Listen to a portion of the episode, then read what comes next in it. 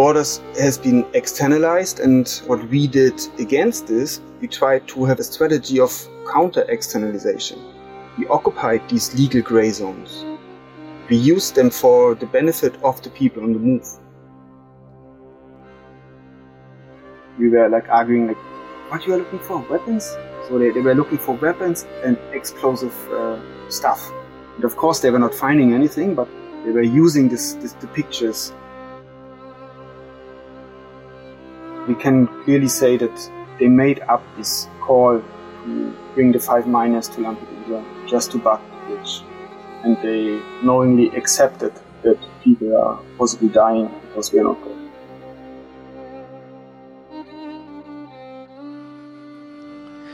Welcome, everyone, to an English episode of The Verbranders, a podcast on Europe's borders and resistance against them. I'm Neske Barwald. And I am Wiebe Ruitenberg. The Verbranders is Dutch for haraga, an Arabic word used in Tunisia, Algeria, and Morocco. Haraga literally means those who burn, and is used to speak of people who cross European borders without permission. It refers to the burning of identity papers. Those who do haraga burn Europe's borders. Our guest today is Sascha from the Iuventa crew. The Iuventa is a search and rescue organization that saved more than 14,000 people in the Mediterranean Sea. In 2017, their ship was seized by the Italian authorities. In March 2021, the Italian prosecutor officially pressed charges against the Iuventa crew and others. They are charged with aiding and abetting illegal immigration. Now, Sascha risks up to 20 years in prison. We talked to Sascha about his political background and beliefs, the day to day reality of search and rescue operations, and the hallucinatory events that ultimately led to the charges pressed against him. Events that include espionage, in depth surveillance, undercover operations, and media setups. And finally, we talk about the criminalization of solidarity and how we can make sure that this criminalization does not make us afraid, but motivates us to continue to organize for a world where everyone can move freely. You can read more about the Iuventa crew and their case on iuventa-crew.org and you can follow them on social media. And if you would like to hear more about the situation in the Mediterranean Sea, make sure to also check out our episodes with Anne from Sea-Watch, with Diana and Hella from Alarm Phone, and with Rosa from the Alarm Phone. As always, we'd love to hear your thoughts. You can leave a comment on our Instagram or Twitter, or send us an email to theverbranderspodcast at gmail.com. Enjoy!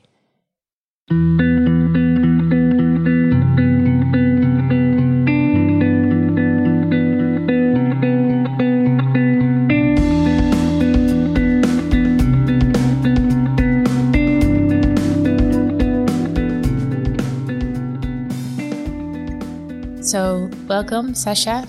Thank you for taking the time to talk to us today. Hey. to start off, could you talk a little bit about yourself, your political background, and your political motivations for joining Jugendrettet? My name is Sascha. I'm uh, 42 years old, born and raised in the east part of Germany. I think what influences me the most was the fall of the Berlin Wall in the 90s. So it uh, shaped me politically in, in many ways, I would say. Politically, I grew up in a militant left-wing anti-fascist movement.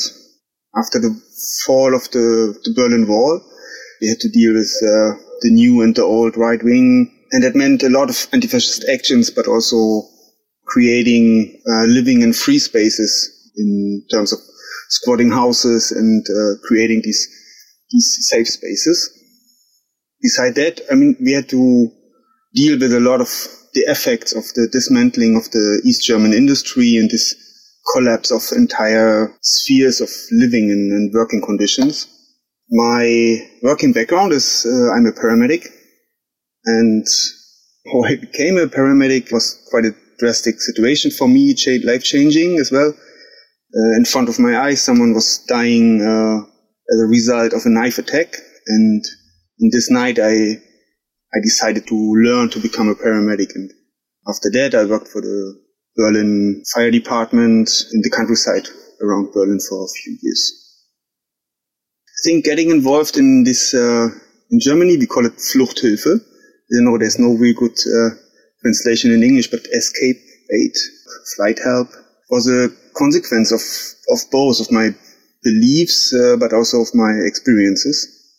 So may I could say that I had already had experience that the reality in front of our eyes was opening up and we had to deal with it. And we always turned it into, into an imperative. We have to do something mm-hmm. without always knowing if what we are doing is the right thing to do. But we tried at least and uh, moved on and developed ourselves and our structures. And it was always collective. It was always against uh, singularization, against individualization. And then in the context of the particular context of sea rescue, this all was even clearer. It was um, undeniable that we have to do something. So I was yes. stepping into into something with a lot of experiences in other fields. And how does Jugendrettet differ from other organizations that are active in sea rescue? For example, organizations like Save the Children or Doctors Without Borders. I mean, there are different levels. First of all, it was the structure of organization, but also the composition of, of people. Both we certainly have in common with other smaller NGOs like Sea-Watch or Alarm Phone or Sea-Eye, etc. Of course, it was very different to the bigger ones, the established uh, ones. Maybe talking about uh, the structure and the organization, Jugendrettet was not a professional NGO at all. In the beginning, it was a, a circle of young students and they had this beautiful idea to organize a ship and intervene in the situation. For them, it was more about the media political intervention. So they thought if young Europeans set off for the Mediterranean Sea and do the job of the states, then something have to change. So it was more the hope that through their own presence, through their eyewitness reports and also the idea of civil disobedience, the situation would escalate and, and change. But okay, today we know it was not enough. Also, no one could imagine that we would still be on scene six years later yeah. and uh, that we end up with these immense resources we have today. And what is also important to mention, at least, is that for us it was not a job. No one was paid. All were volunteers spending their holidays or just uh, put their normal life on hold for a time. Yeah. Um, that determined the composition of people and how the people get involved in the project. And one huge difference was that the Mediterranean intervention was our only focus. Mm-hmm. For all the other NGOs, they have different scenarios, different uh, operations ongoing, and uh, for us, it was also easy to be more escalative in our way of doing stuff. Because you're less dependent. Yes. On the same authorities in different kind of projects. Mm-hmm. Yeah. And as we're looking at um, Save the Children, for example, I think they, they are really dependent on their donors to maintain their projects and yeah, a lot of their donors are right-wing donors, so they like to give money for poor black children, but you know, let them there. Treat them well, but let them in their country. But what was also a different, um, everyone from us, from the crew, were coming from a super different life uh, background. So we had to learn and improve a lot, but we couldn't refer to, to many years of uh, of established operations. And for some of us, it was even the first time to put a feet on a ship. Mm-hmm. Wow. So it, I think that's, that's also the, the differences in between us and the more established uh, NGOs. Yeah, which I guess brings challenges, but also opportunities, right? Because you do have that freedom to organize yourself according to the needs in that moment mm-hmm. and be less dependent on the donors, like you were saying. Yeah. Yeah, but also you just referred to sea rescue as potentially a form of civil disobedience, and I, I think that really highlights just the differences between different organizations active at sea, where some organizations, when they engage in humanitarianism, are more easily, I guess, incorporated into the ways in which the border functions than other organizations who take a more antagonistic approach. And I can imagine that also really influences, yeah, your your actions at sea and the way in which you respond to. We'll get to it later, but to certain offers or demands made by authorities. You could say that the rescue in itself does not have a lot of space to maneuver, and even more, the high sea and the maritime world is a really like regulated world. And in particular, the Mediterranean Sea is a, it's a high militarized uh, border. But nevertheless, there are at least two levels, basically before and after the actual rescue, where we can act radical or even in a militant sense, which we also did as far as uh, was possible for us to mention these, these two levels. The first is how to prepare the mission and how you, how you behave before finding the people. And beside the fact that we were 24-7 available for the authorities, that we provided regularly our position, our intention, our availability. Beside that, you could say, I mean, it's called search and rescue and not wait and rescue. So what we did was actively searching for the people. And so yeah. the way we described our way of operation, you could say it was uh, the proactive search and rescue. Uh, for us, it meant to be in the area where we expect the people to arrive in order to find them as soon as possible. For us, it was between 15 and 12 nautical miles from, so off the Libyan shore. Uh, so right at the, the, the, Libyan border, let's say. So more than that, we, searched actively, but uh, also with everything what was at our disposal.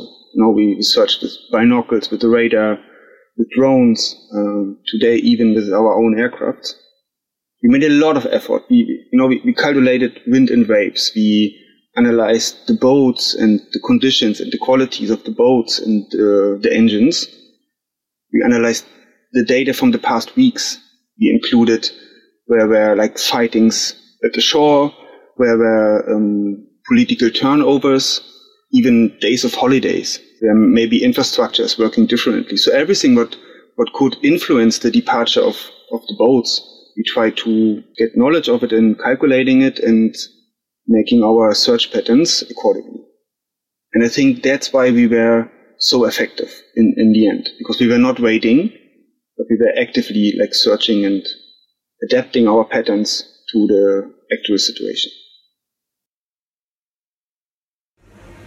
My name is Dennis Alohan uh, from Nigeria. I'm 31 years old. I was part of the the group that you went and rescued on the 5th of uh, October 2016. And that at that particular time, the sea was no longer friendly. The wave of the sea was terrifying, and uh, all of us we were afraid that we were going to die all we were seeing was the blue sea, the big fishes, and nothing more. And that was how we spent the night on the boat. We noticed a boat coming. A very speed boat was coming. What we just need now is to get out of the sea. We're here to save you, okay? Are you good? Oh, good, good, good. Hello, hello. And he spoke English. We noticed, okay, these people are not from, uh, they are not from Libya. They said we should remain calm. They have life jackets. Uh, all, the, all the people started singing praises to God. They started thanking God for hearing our prayer throughout last night. In fact, that was how we came across Juventus. Hallelujah! Hallelujah!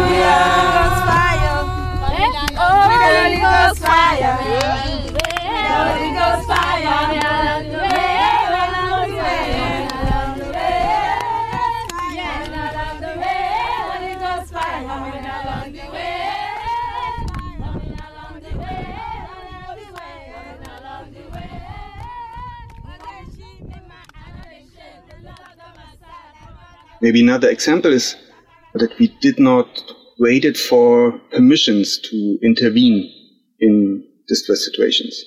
Mm-hmm. There was one particular moment, what, what described the, this mechanism the best. It was uh, during a night search. We searched a dinghy. We were together with a lot of other boats. The search was concentrating uh, at one point in the moment. And we entered the Libyan waters without waiting for permissions because we we were able to identify the boat uh, with the help of a drone. And the pictures were clearly showing us a deflated tube and already people in the water. So we decided to just enter the Libyan waters without waiting for permissions. And by doing that, we kind of pulled everyone else into the rescue because everyone was following us. Hmm. And um, who is everyone else? There were like four other NGOs, but even an Italian warship was just waiting in front of this imaginary water border and were not allowing themselves to cross this, this line. Mm. And actions like this, where we try to escalate and to enlarge in our room of possibilities, were important and we pushed the boundaries. And that's before the rescue, and you said it also after the rescue. So you know, the, the rescue ends with uh, the people being brought to a place of safety. And for us, it was always the, the European soil and not any North African shore or even floating hotspots or all these crazy ideas uh, coming up in, in, in, these days. You know, not because we consider Europe as a, as a sanctuary or, or that we wanted to destabilize European countries and bringing in migrants, uh, as it was the the crazy idea of these right wing uh, people. Um, no, no, it was because the people we met there, the people we rescued, they clearly stated, we want to go to Europe. Or even they say, I would rather die here than being deported back to Libya again. So the will of the people was for us such a high good that we enforced it. And we would have never worked together with authorities who you know would have returned the people or and I think the strict stance was quite important because uh, these forced returns without this strict stand from our side, not only from our side, but also like all the other NGOs, I would say, or the most of them, these forced returns would certainly have been possible. Yeah. Mm-hmm. yeah. And now they happen all the time. And now they happen all the time. That's true. So I, I would say on all these levels, we try to use and to extend our possibilities. We had the willingness to escalate if necessary. We force the responsible authorities to act and not to let them, you know, out of the responsibility. We drag them into the acting. And at the end, also to scandalize if the authorities uh, failed or to scandalize their wrongdoings. So maybe to, to summarize, the states have made the Mediterranean in the place where human rights do not seem to apply anymore. And in order to block migrants, they created these legal gray zones and turned them in ex-territorial spheres. Mm. The borders has been externalized and what we did against this, we tried to have a strategy of counter-externalization. We occupied these legal gray zones we use them for the benefit of the people on the move. With our presence, with our interventions, we created windows of opportunities where protection of human rights or international law was applying. On the other side, the enforcement power of the state was kind of suspended. I like that you use the word occupy here because mm-hmm. it really links back to what you said earlier that your background is in the squatting movement through squatting, you really learn how to claim a space and how to extend your power as much as possible. It's interesting. I never thought of uh, the presence of, I guess, more militant leaning NGOs in the Mediterranean as a as as occupation, as almost like squatting, squatting these legal gray zones. Yeah, we often, you know, telling our own story with this sentence of there was a gap and we stepped in. Yeah. But to say there was a legal gray zone and we occupied this gray zone and turned it into something else, for me it's more powerful and goes more to the core of uh, of the political level of, of our intervention. And what makes it also special and maybe different to what I had experienced before, none of our action was kind of clandestine. Everything was transparent and open. I mean, it's, it's yeah. a high militarized area. We are a super big blue dot in the middle of nothing. So we are like visible for everyone. Yeah. You're on the radar, literally. Yeah. So in this sense, we were like more floating safe spaces than the new underground railroad because hmm. everything was open. Everything was like, yeah, you can see what we are doing. And I would say, in essence, we effectively transformed the ex-territory zones from spaces of lawness into spaces of resistance. Mm. In the sense of using it and turning it, even also against the authorities, but every time in favor of the people on the move. Yeah, I like this emphasis that you're putting now on the people on the move. And I noticed you did that earlier as well when you said that you bring people to Europe because that's what the people said they wanted, right? It was interesting because you and others that we've spoken to also have talked about that it's important to bring people to a safe haven, right? To a safe harbor.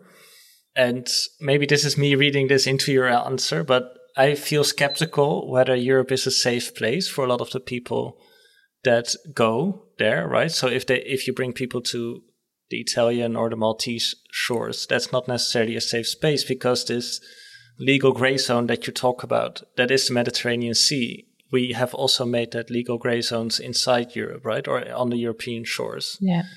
And I was wondering maybe to turn this into a question, what you did when you bring people to to the harbors, like mm. what what happens when you bring people to a port? Do you also mean in light of the fact that then often people are kind of handed over to authorities, right, and then go into the whole system of detention yeah. and uh, yeah, legal categorization and the violence that goes with it. Yeah, and I guess I'm thinking, what can you do in that context to continue the resistance that you are talking about? That's a super important question, and that touch one of our boundaries. Um, we struggle with that the whole time. That we didn't find answers, at least not within our way of operations. Mm-hmm. I think to find answers on, on this question, how we can support and have a solidary behavior with the people or even a common struggle with the people? The answer is not on the sea. And it's yeah. not, we cannot find it there. No. But, but even there, I, uh, I agree with you. We, we, we can prepare something or at least have other red lines. And for us, it was also the, the treatment of the people when they are on our ships. You know, we never had these interviews questioning the origin of the people or what is their reason of uh, being on, on the move. So we never took the chance to, to make this part of the work of the authorities. But mm-hmm. you're absolutely right. We just handed them over to them. So there was also no way of supporting them in, in another way. But what we did was we tried to identify and visualize the most vulnerable people. So unaccompanied minors, but also alone traveling women, and we try to make them visible for the colleagues and uh, other NGO workers on land so that they can, as soon as possible, be treated differently. Yeah, and I think that makes sense from a practical point of view, but at the same time, that pushes you into thinking about who's more vulnerable and who's less vulnerable, which is yeah. not kind of questions you want to be asking in that kind of context, right? But I understand it from a practical point of view that these are people that need more support. Yeah, it's it, this is super complex, I think, because indeed, exactly as Wibbe says, on the on the one hand, you literally see people who need more support, and you try and do all you can to, yeah, get them in the best position possible, and at the same time, by doing that work, you kind of play along with a game of divide and conquer that's yeah. also really deployed widely through state practices of categorization, of distinguishing between the deserving and the non-deserving and the, the, the vulnerable and the non-vulnerable. But it's mm-hmm. inevitable once you start to really engage in these fields that are already so traversed by these categorizations, you're just in a in a minefield. Uh, yeah. But just to to go back also a little bit to the story that we're here to talk about today, we were wondering if you could talk about your first missions at sea. So I think from what we understood, you started at around 2016, right? So this is also a context in which a record number of people crossed from Libya into Europe, and Libya just collapsed into civil war, and Mare Nostrum retreated. So this is kind of the context that you, I guess, started out your work with. Could you talk about these first missions and what they looked like? Well, there are many, many ways of talking about the first mission. It's really to sum it up and make the, the long story short. It's the way of operation was back in the days a bit different than today because the Iuventa was acting as a first responder. So we were first to approach distress cases and then handing them over to another vessel, another NGO vessel or Italian Coast Guard or military assets in order to organize the, the transfer to a place of safety.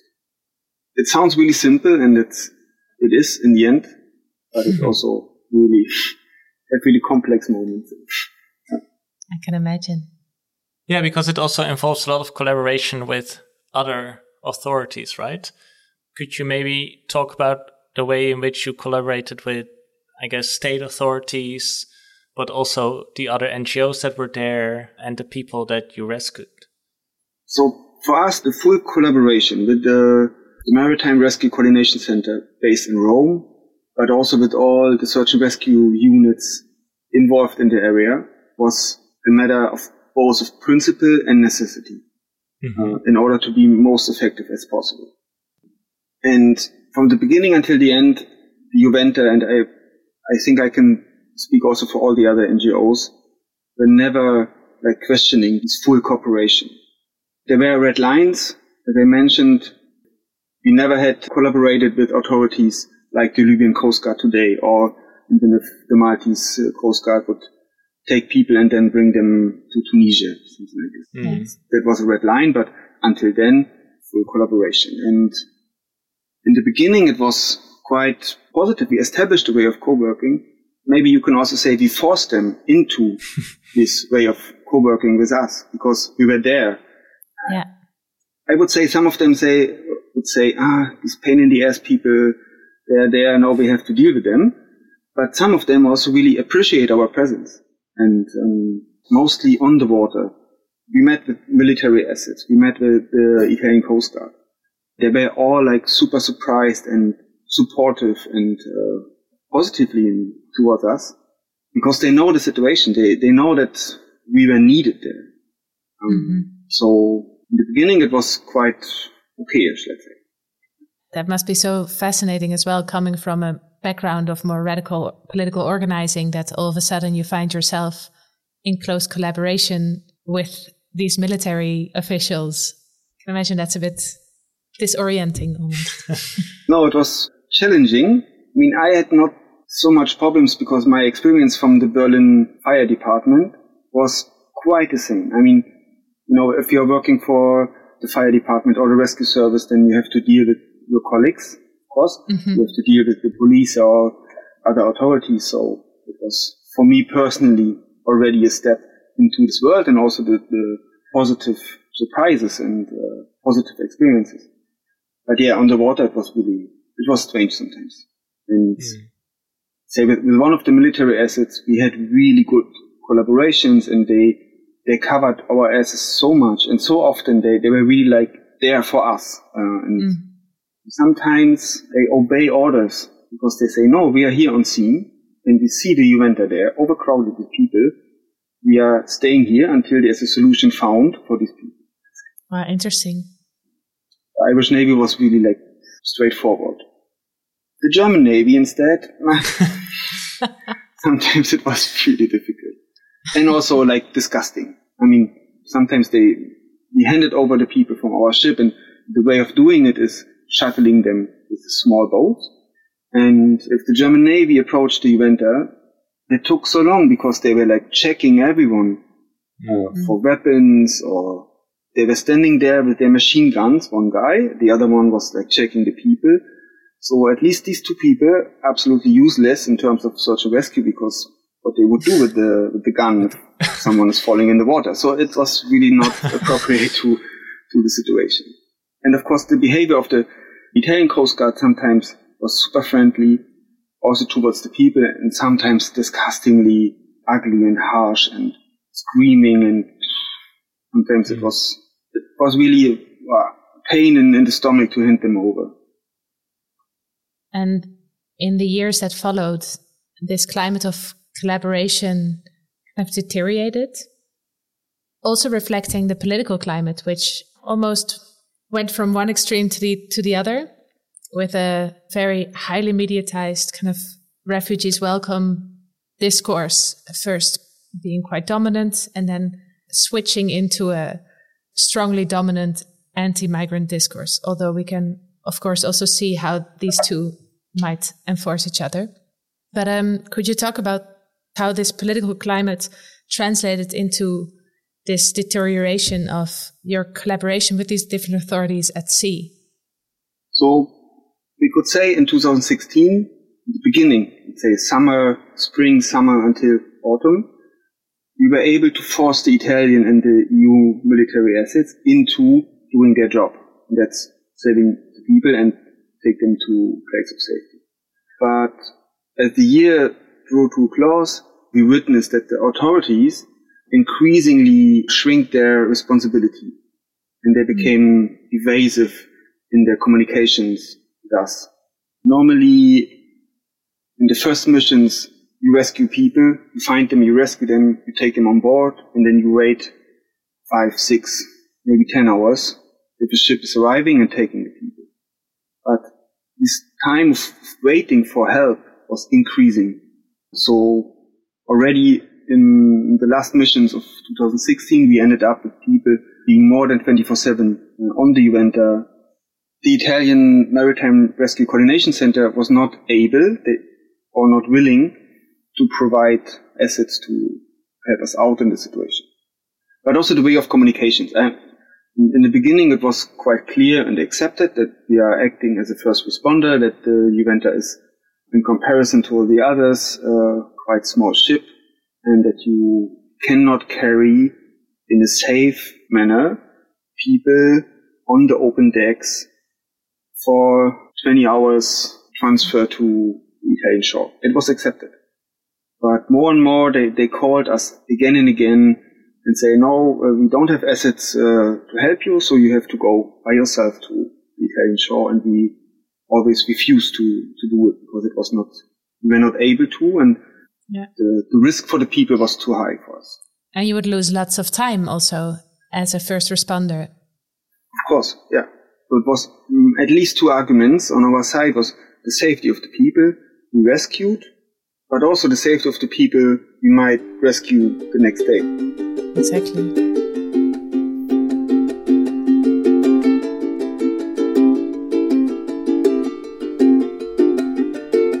Well, I was blown in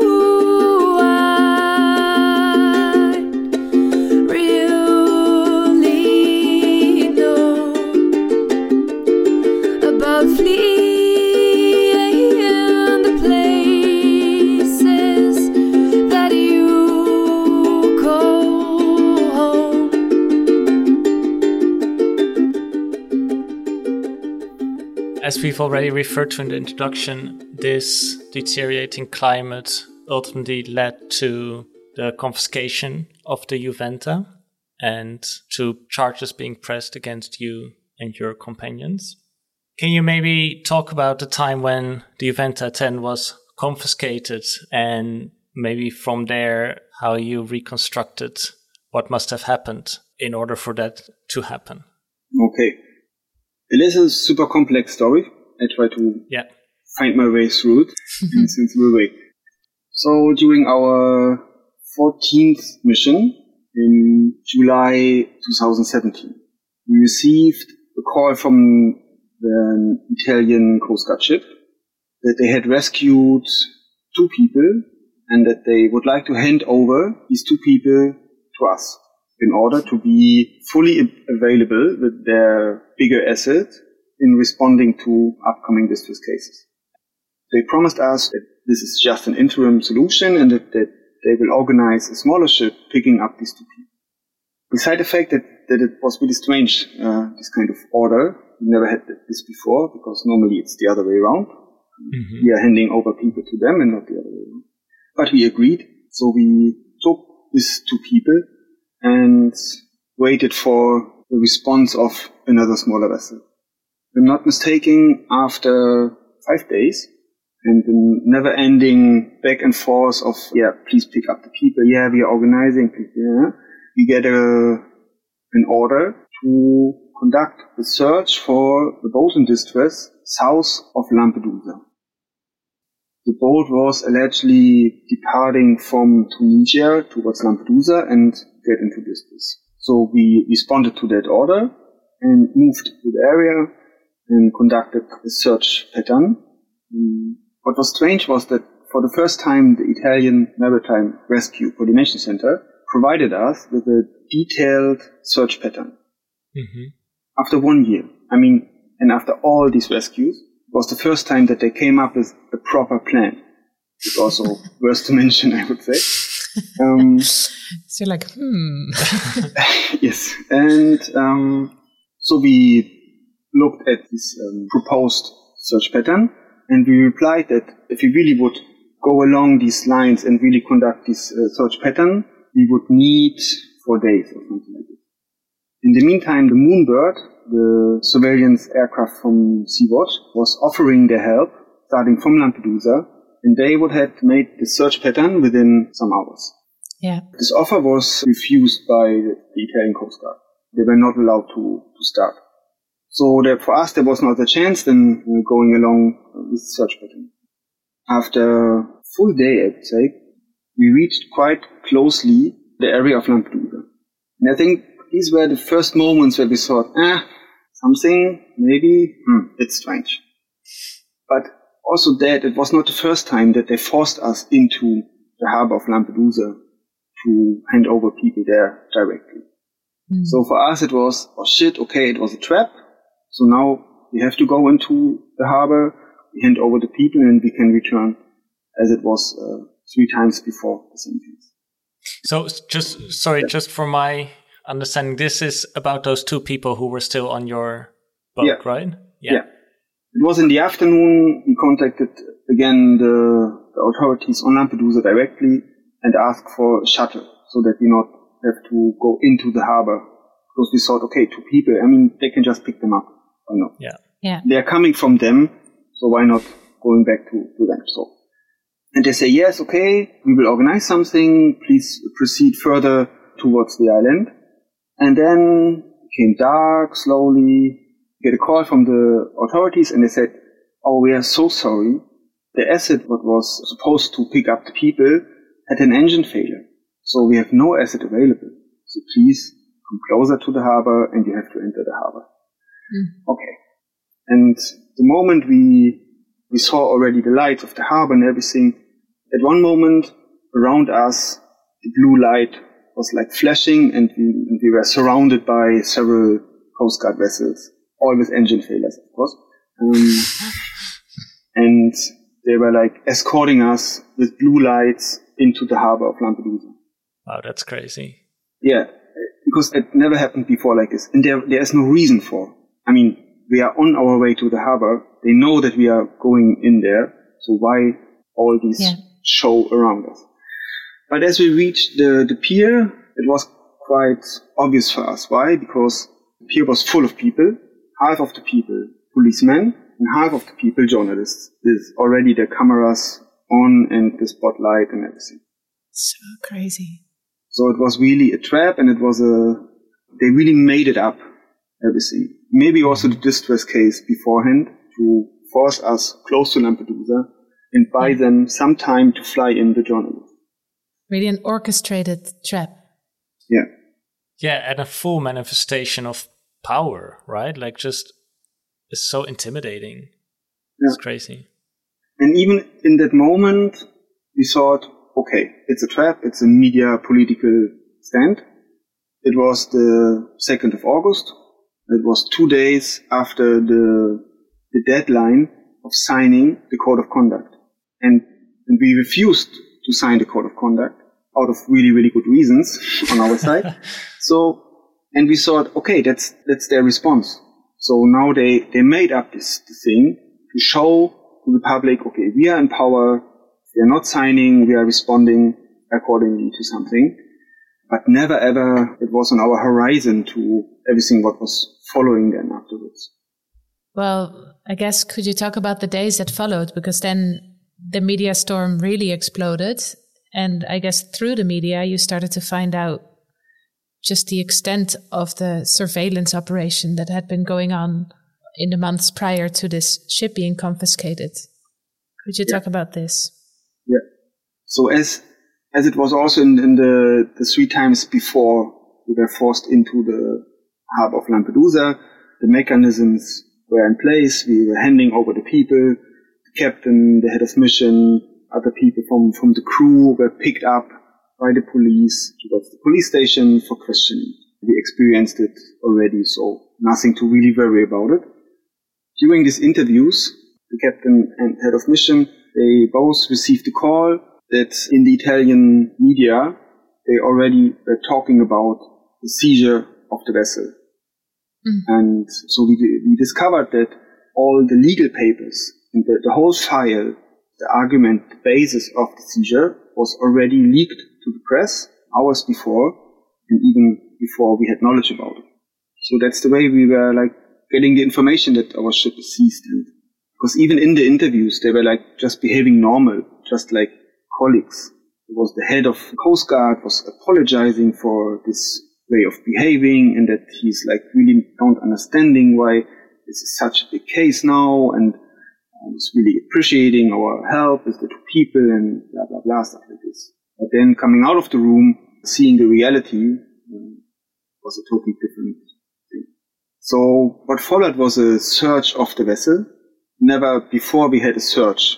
There was a kind of visiting and the coast guards were like coming on board and like, but more out of curiosity kind of. Like, ah yes, here you treat the people. Ah, this is your fast rescue asset. Ah, this is our life check. So they were out of curiosity and more like, wow, you are doing such a great stuff, uh, job with this mm, limited uh, resources. But this day, it was quite different because they were like, you know, searching the vessel not only by going around, but also with dogs. So The were- police was, or the Coast Guard was. it was a Coast Guard and special units. They are called Squadra Mobile. It's kind of a mobile police unit. Yeah, mainly anti-mafia related work they are doing. International crime and, and stuff like this. So, Yeah. and they were searching the vessel for weapons. And that was a severe thing. So we were like arguing like, what you are looking for? Weapons? So they, they were looking for weapons and explosive uh, stuff. And of course they were not finding anything, but they were using this, this the pictures running around with the dogs and with these long sticks with mirrors to you know to look under and over everything and uh, it was And did they also bring journalists or cameras along with them on this search of your vessel? No, no, that not. But the Iuventa was on the pier and it was like, you know, the distance was five meters maybe, so everyone was able to see, but, and they were like ripping apart the whole ship, opening like pillows and boxes and, and we were really like questioning, but what you are looking for? I mean, migrants or smugglers or what? So, and it was quite interesting as well because the, the people who had to do the job, they were quite pissed as well. So they were like also like, you know, Yeah. Not not looking into the eyes and we're like, we're like, what can we do? I only do my job. Things like this. Oh, you could not do it. Yes, they already left out a lot of of, of stuff.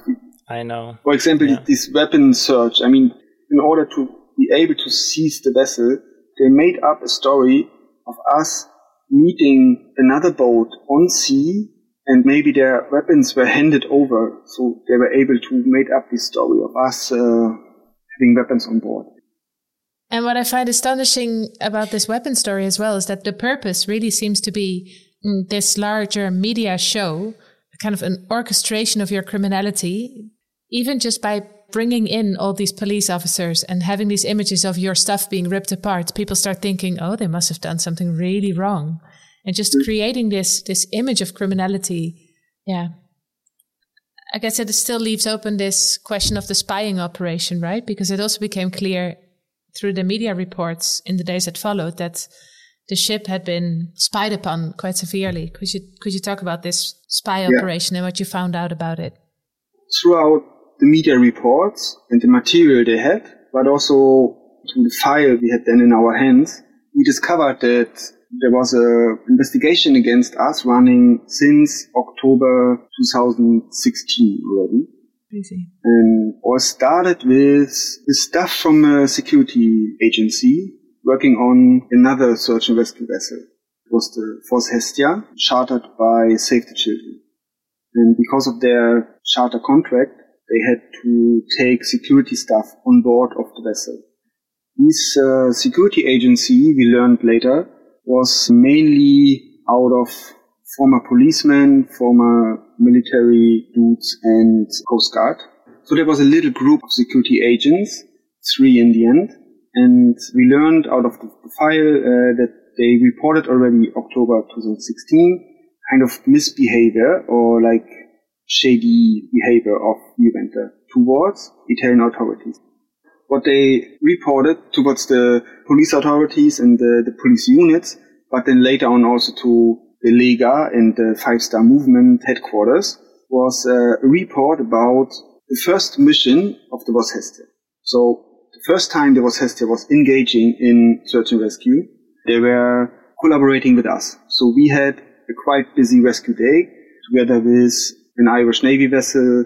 There was uh, an MSF search and rescue vessel at sea, and I think also the Sea-Eye or something like that. So a lot of vessels at sea. We had most of the people on, on the Iuventa and we were asking for transshipment. So the Italian authorities called the Vos Hestia into the rescue. They were approaching the scene and taking basically our people on their vessel. The security agent called uh, Pietro Gallo, he issued a report that he saw a dinghy leaving the Iuventa with two people and he described them two people with dark skin color leaving from the Iuventa towards the south, so the Libyan shore. So he was thinking, ah, maybe that's, he is a witness of a direct handover and the collaboration between us and smugglers. Yeah. This report, in the end, started everything. First of all, Pietro Gallo, but also the two other people from, from the security team were called to the police station. So they, they made an interview with them. They repeated the story and even a bit more. So they were like wondering about why the Iuventa is always so south, why we are always at the first at hmm. sea. So they were making up their minds that, that we are the link between the smugglers and the other chain, then in the end leading to the European Yeah. The prosecutor opened the, investigation and uh, first of all tapped the phones of all these guys to prove if they are telling the same story also in private conversations. What was the case was they were calling each other and just repeating the story again and again, and they were calling friends and, and so, and repeating the story, and even making up their minds and pushing them towards more like strange thoughts about us and our behavior.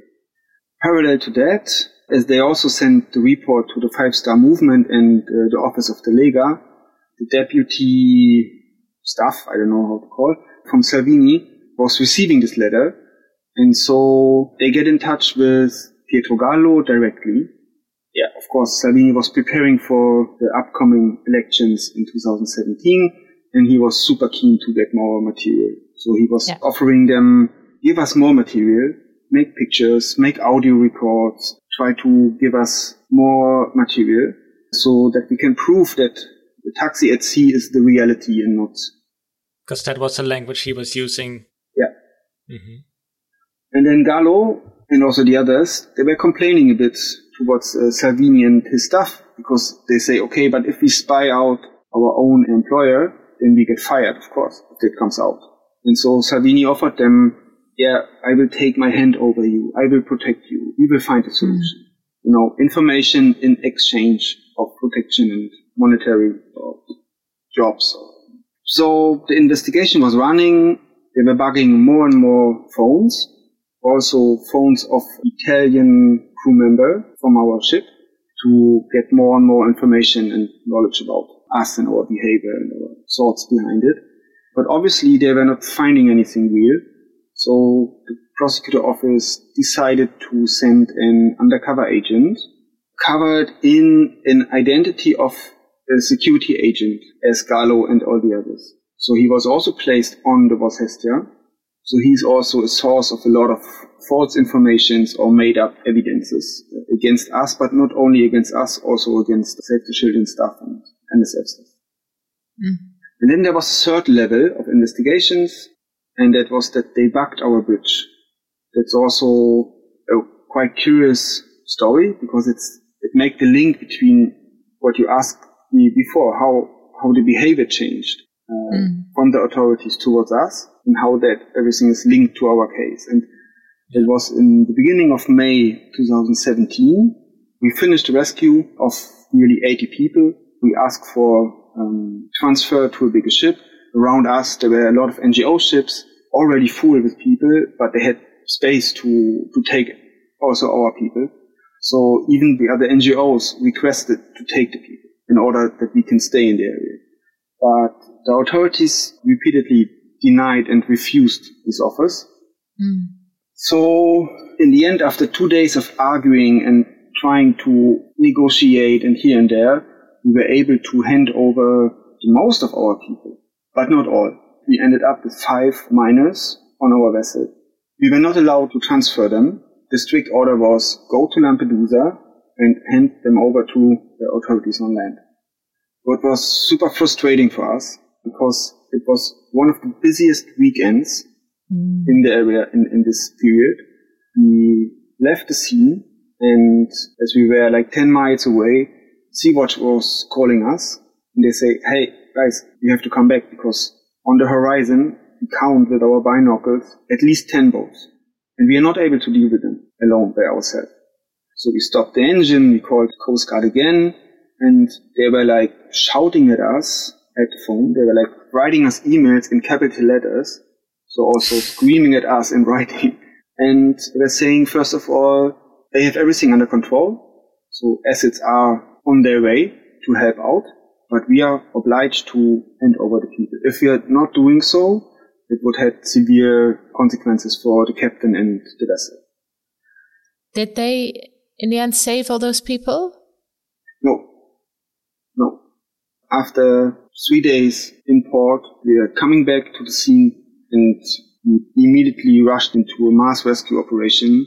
I think on the weekend more than 3,000 people showed up in the area and at least three up to five boats were not rescued. We don't know what, what happened. I mean, there are two possibilities.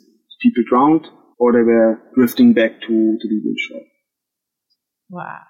So the consequences of all these were, of course, like uh, suffering and death of people. And from today's perspective, they knowingly, like, we did this with the knowledge of it. They prioritized criminalizing you over saving the lives of Yeah. of hundreds of people. Yeah. But sorry, because I interrupted also because No. you went you went to so you had to go to the port and and why? Yeah. So we, in the morning, we reached the port. We handed over the five miners. We went to an interview to the police station. It took four hours, the questioning, super detailed about the rescue, who we met, how we conduct the rescue, tralala, tralala. So it was, but focusing on the rescue. And then we were allowed to leave the port again. In the meantime, somehow, until today, we don't know how they did it, but out of the seizure fire, we learned that in this particular moment, they bugged the bridge. Just in case some of our lis- listeners don't know the word bug, they placed a surveillance device to listen in on you on the bridge of the boat. Yeah. And in the file of the seizure, you can clearly see the date of the activation of uh, the bug and also the place. So there's evidence that they used this moment.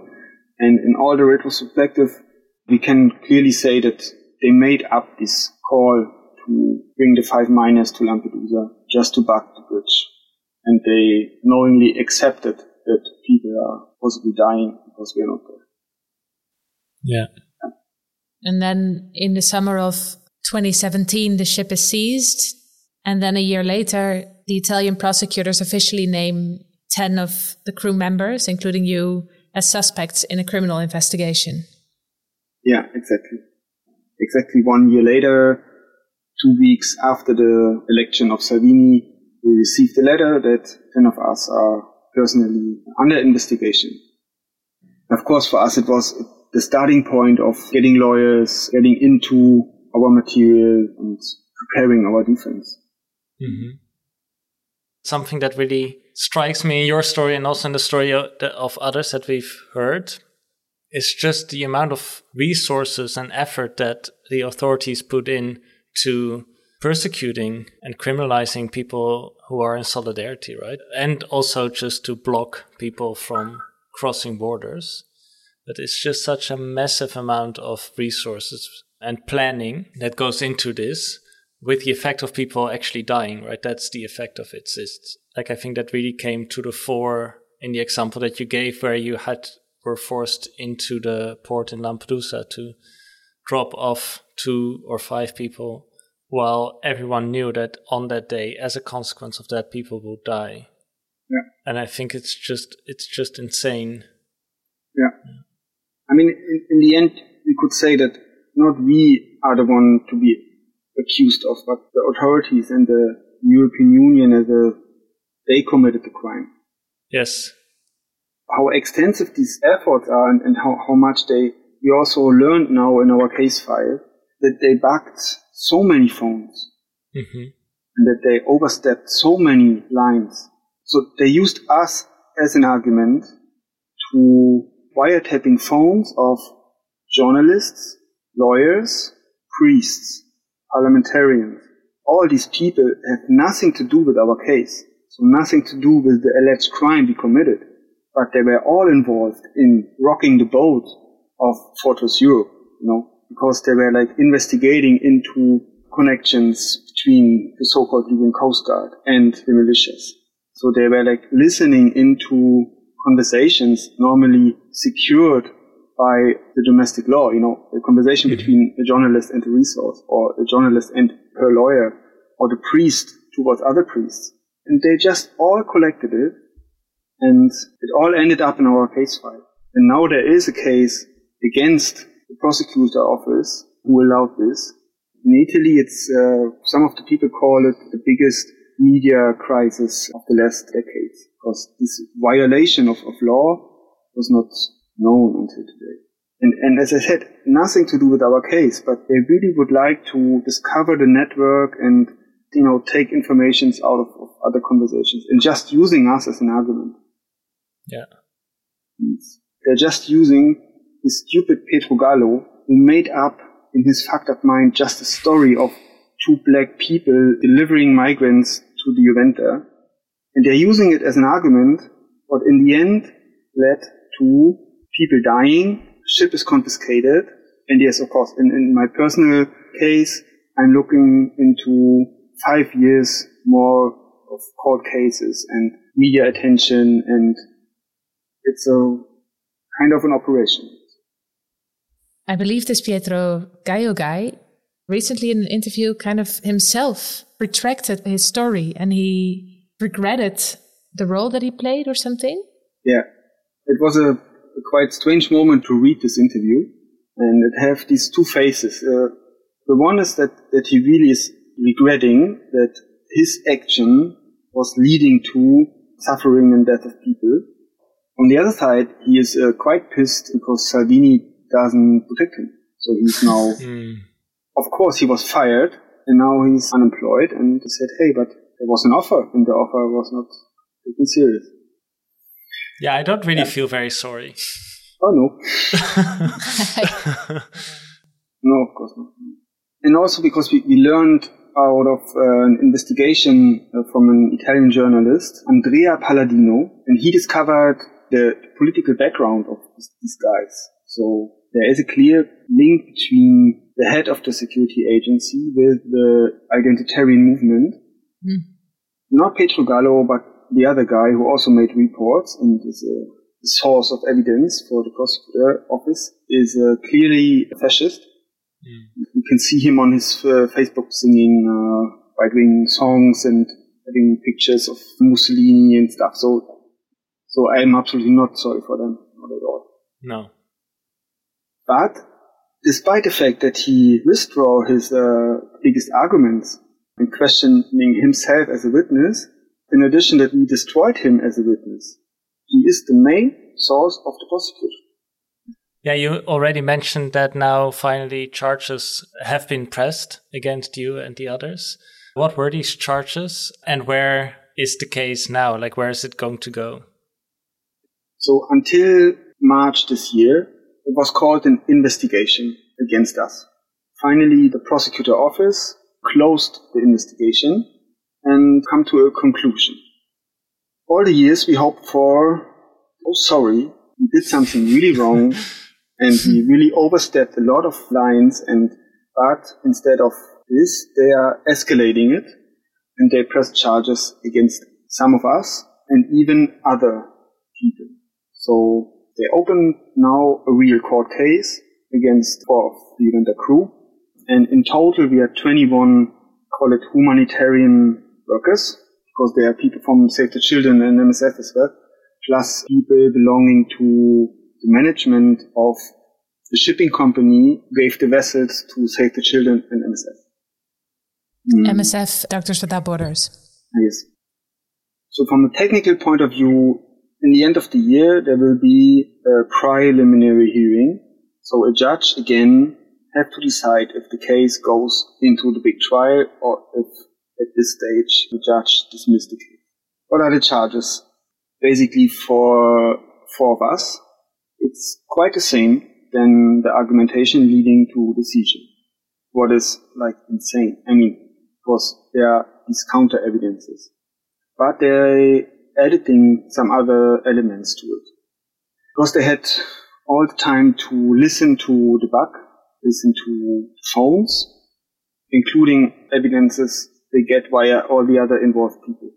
The underlying argument is still that we are a criminal network altogether, that we had contact and collaboration with the Libyan smuggling networks, that we organized handovers at sea, and uh, one of the new arguments is that we also took benefit out of it. Mm.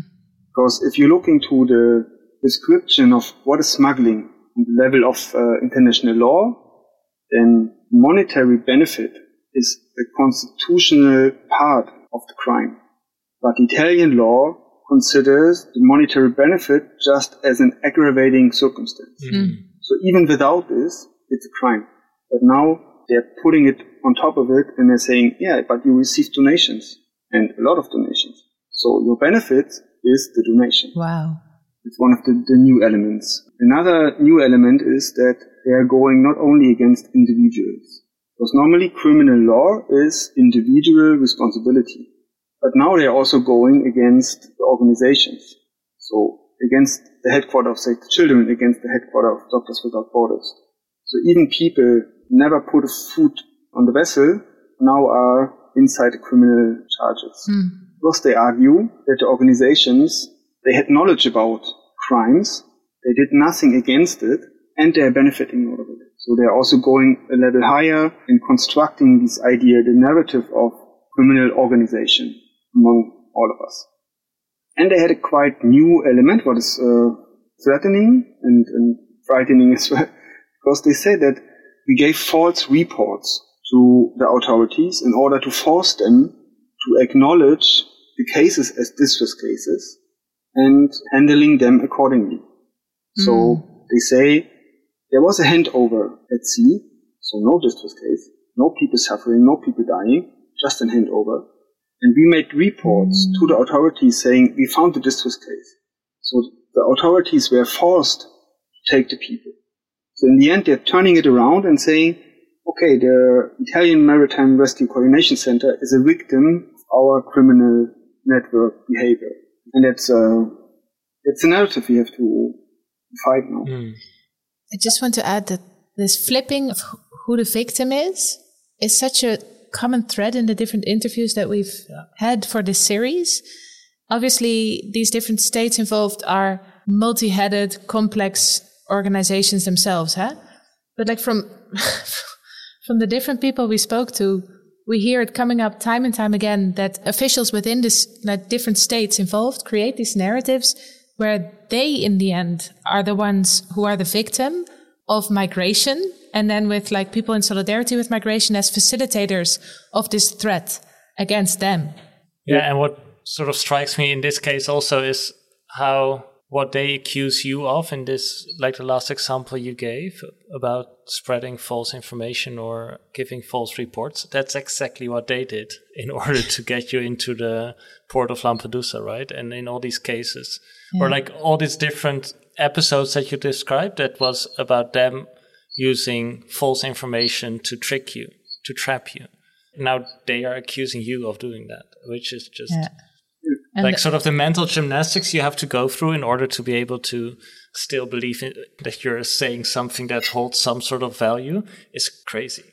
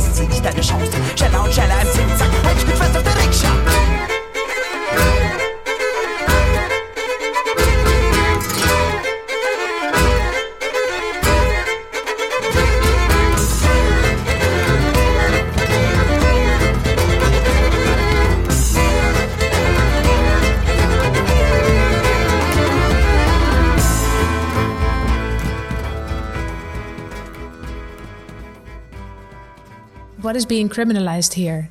As in, by being at sea, you not only save lives, and you also made this very clear in the introduction that you you were there in a militant way, in a way organizing against, I guess, Europe's border regime, occupying that space, and you were in a position to monitor what what was happening together and in collaboration in a way with with the legalized people themselves. And could you talk about this role of bearing witness in relation to the case filed against you?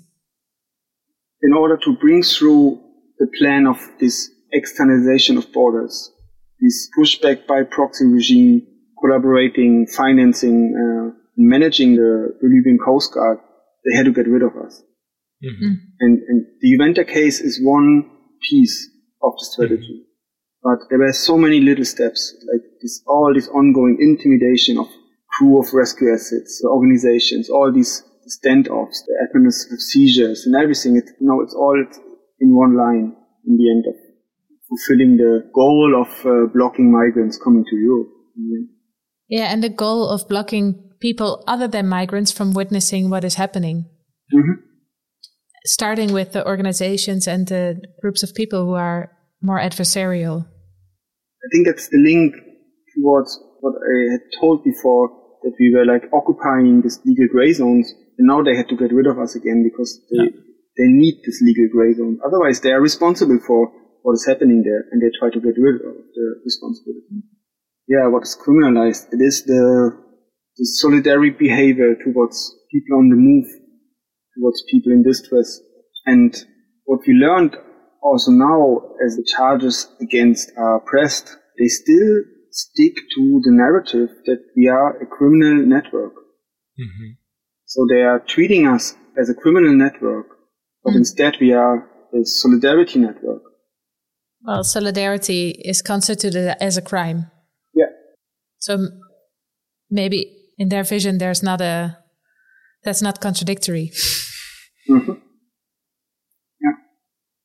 One thing we, we really want to do in this conversation is to place the criminalization that's happening to you and to nine of your comrades in a wider context. So, criminalization is something that happens all the time and that has a, a longer history. Are there any other cases that you would like to highlight? Cases other than the Iuventa 10, cases that our listeners can look into? And then I'm thinking both of cases of people active in the humanitarian field, whether it's the more militant kind or the less militant kind, but also people on the move themselves. And I guess sketch this wider context of criminalization. I mean, basically there are like hundreds of cases all over Europe, and it's not at all concentrating on sea rescue, but it's even more along the, the inner European borders. And yeah, there are like normal people acting individually or as a group or as a network or whatsoever. Considering that they are helping people to move on, that already is considered as, as a crime and you can see everything from like searches of houses, uh, confiscating of, of material, um, arrests, even convictions towards people acting in solidarity with people on the move. Uh, it's along the French-Italian borders. If you look at the, the case of the Briançon set, or look into the history of, of Lesbos, you can find a lot of, of cases like this. In Italy, there are a lot of people supporting migrants. Um, it goes from taking them with the car from one place to another, giving them food or shelter during the night, offering them a trip to the hospital. All this is uh, considered as facilitation of illegal entry or illegal stay. Hmm. I mean, there, there are a lot of informations about it, and I would propose always to have a look to the website of Borderline Europe.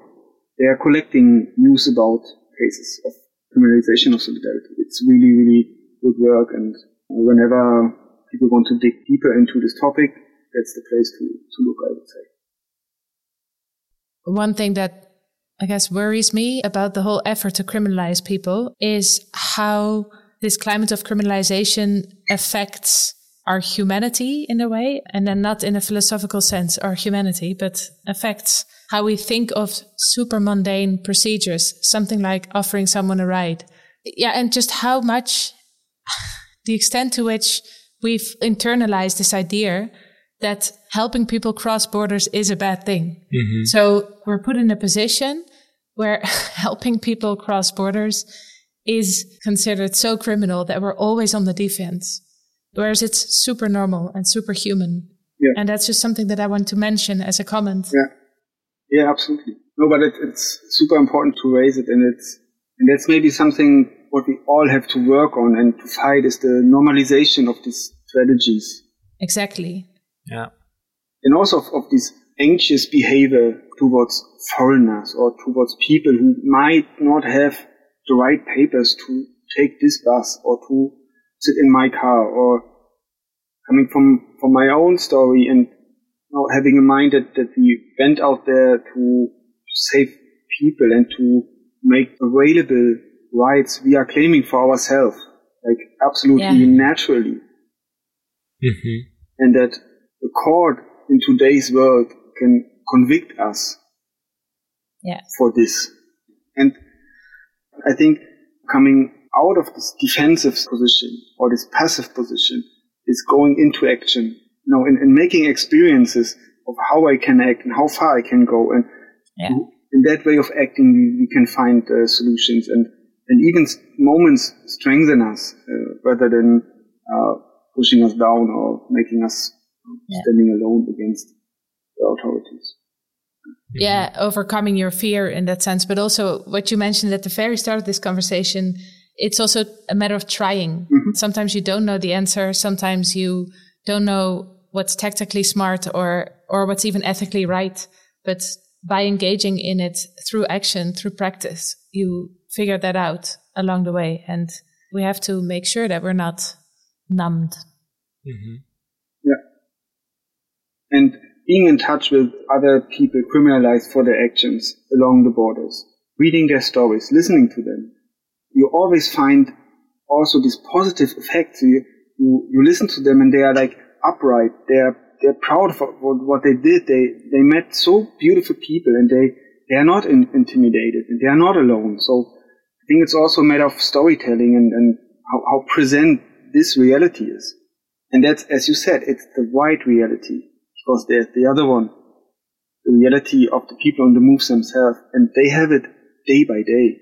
So let's try to engage and try to learn from them how to be yeah. like brave and, and straightforward in, in what we are doing. And we can learn a lot. We can learn a lot from them. But it, you know, it, it's crazy that most of the people, they, they know who's Carola Rackete. They know who's Pia. And maybe they also know what is the Iuventa. But it's so crazy that people don't know the name Mohammed, mm. the father who faced two times life sentence because he was trying to rescue himself along with 33 other people crossing mm. the Aegean Sea. Or names like Yoma, Ali, Abdurrahman, Muannat, these young Tunisian guys since 2015 in an Italian jail facing 30 years of jail because they are alleged smugglers. And cases like this, we have thousands of people sitting already in jail facing horrendous time in prison. And in the end, they were like people on the move themselves, like people fleeing, yeah. just mm-hmm. steering the the engine or holding the compass, or were, were in the end the ones calling the authorities for help, and then afterwards were identified as the one who might be one of the smuggling networks. It is an effort to find this information, but we have to focus on this. We have to bring it up. We have to make it visible and yeah, not only to, you know, show these cases, but also to find a way to struggle with these people together, to, yeah. to fight with them together, to support them, not only as the, the, the people we rescued, but also as just fellow people who are like, you know, trapped in jail. Mm. Yeah. And what are ways that we can do that? What are ways for us to engage with these people in their struggles or to join these struggles? That's a really hard question to answer as well. I mean, first of all, get knowledge about it. Be engaged in, in this information sharing and spreading the word about it. I mean, in the end, like supporting the because mm-hmm. Because we, we can do something, even if it is in our families, mm. in our neighborhoods, in, uh, on the working place, in the social centers, wherever we, you know, identify ourselves as, there's a lot of stuff to do. Starting with denying white saviorism, post-colonial bullshit, but also being engaged directly in supporting these people. Yeah. Um, and yeah, I mean, not be intimidated by all these efforts to criminalize solidarity, but on the opposite, take the positive effects out of it. Um, often is donation is a is a way of, of doing something, but choose wisely your point where you're donating for. It's always nice to donate for sea rescue, but there are hundreds of other super important projects and they don't have the, the outreach as we have, even the, the, the legal body to, to call for, mm-hmm. for donations. And that's so donating is a way, but choose wisely. There's a certain clarity, I feel, in how you talk about this. And I think that's really, really powerful and strong. So thank you. Thank you very much for sharing that with us today. Thank you for being the reflection possibility. And that's something what, what I learned in the last years. Um, you need the conversation, you need the debate, you need the questioning of yourself all the time. And, yeah. And that helped us in, in the last months a lot, talking to people like you preparing these, storytelling from below, not following just the lines of the, the media and portraying individuals, but questioning the everything behind it and And that's, that's super Yeah. helpful, not only because it, it helps the cause in itself, but also this is helping the people accused, the people standing trial or being, you need a kind of an escort. That could be a role of, of all of us creating these escorts and, and uh, supporting people. They never fe- feel alone, that they never feel exposed to others without having a defense. Well, we'll be with you. That's good. Thank you very much, Sascha, for sharing your story, for the storytelling you did, and for taking the time to talk to us, and for your political struggle. That's good. Thank you. Okay.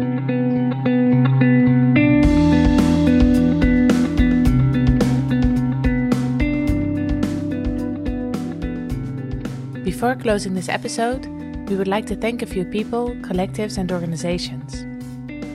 B. Carrot for the illustrations we use on our social media accounts, Thomas from Dark Roast for the graphic design, Joris and David, Shireen, Caspian Hat Dance, and Ellen and Neske for the music, the MKZ Binnenpret for allowing us to use the space to record our interviews, and the Van Vollenhoven Institute and the Institute for Cultural Anthropology and Development Sociology of Leiden University, the Leiden University Fund, and the Netherlands Organization for Scientific Research for the financial support. You can find the audio fragment of Dennis talking about being rescued by the Iuventa, as well as the people singing after being rescued, on their website, iuventa-crew.org. If there are any thoughts you'd like to share with us on this episode, make sure to get in touch.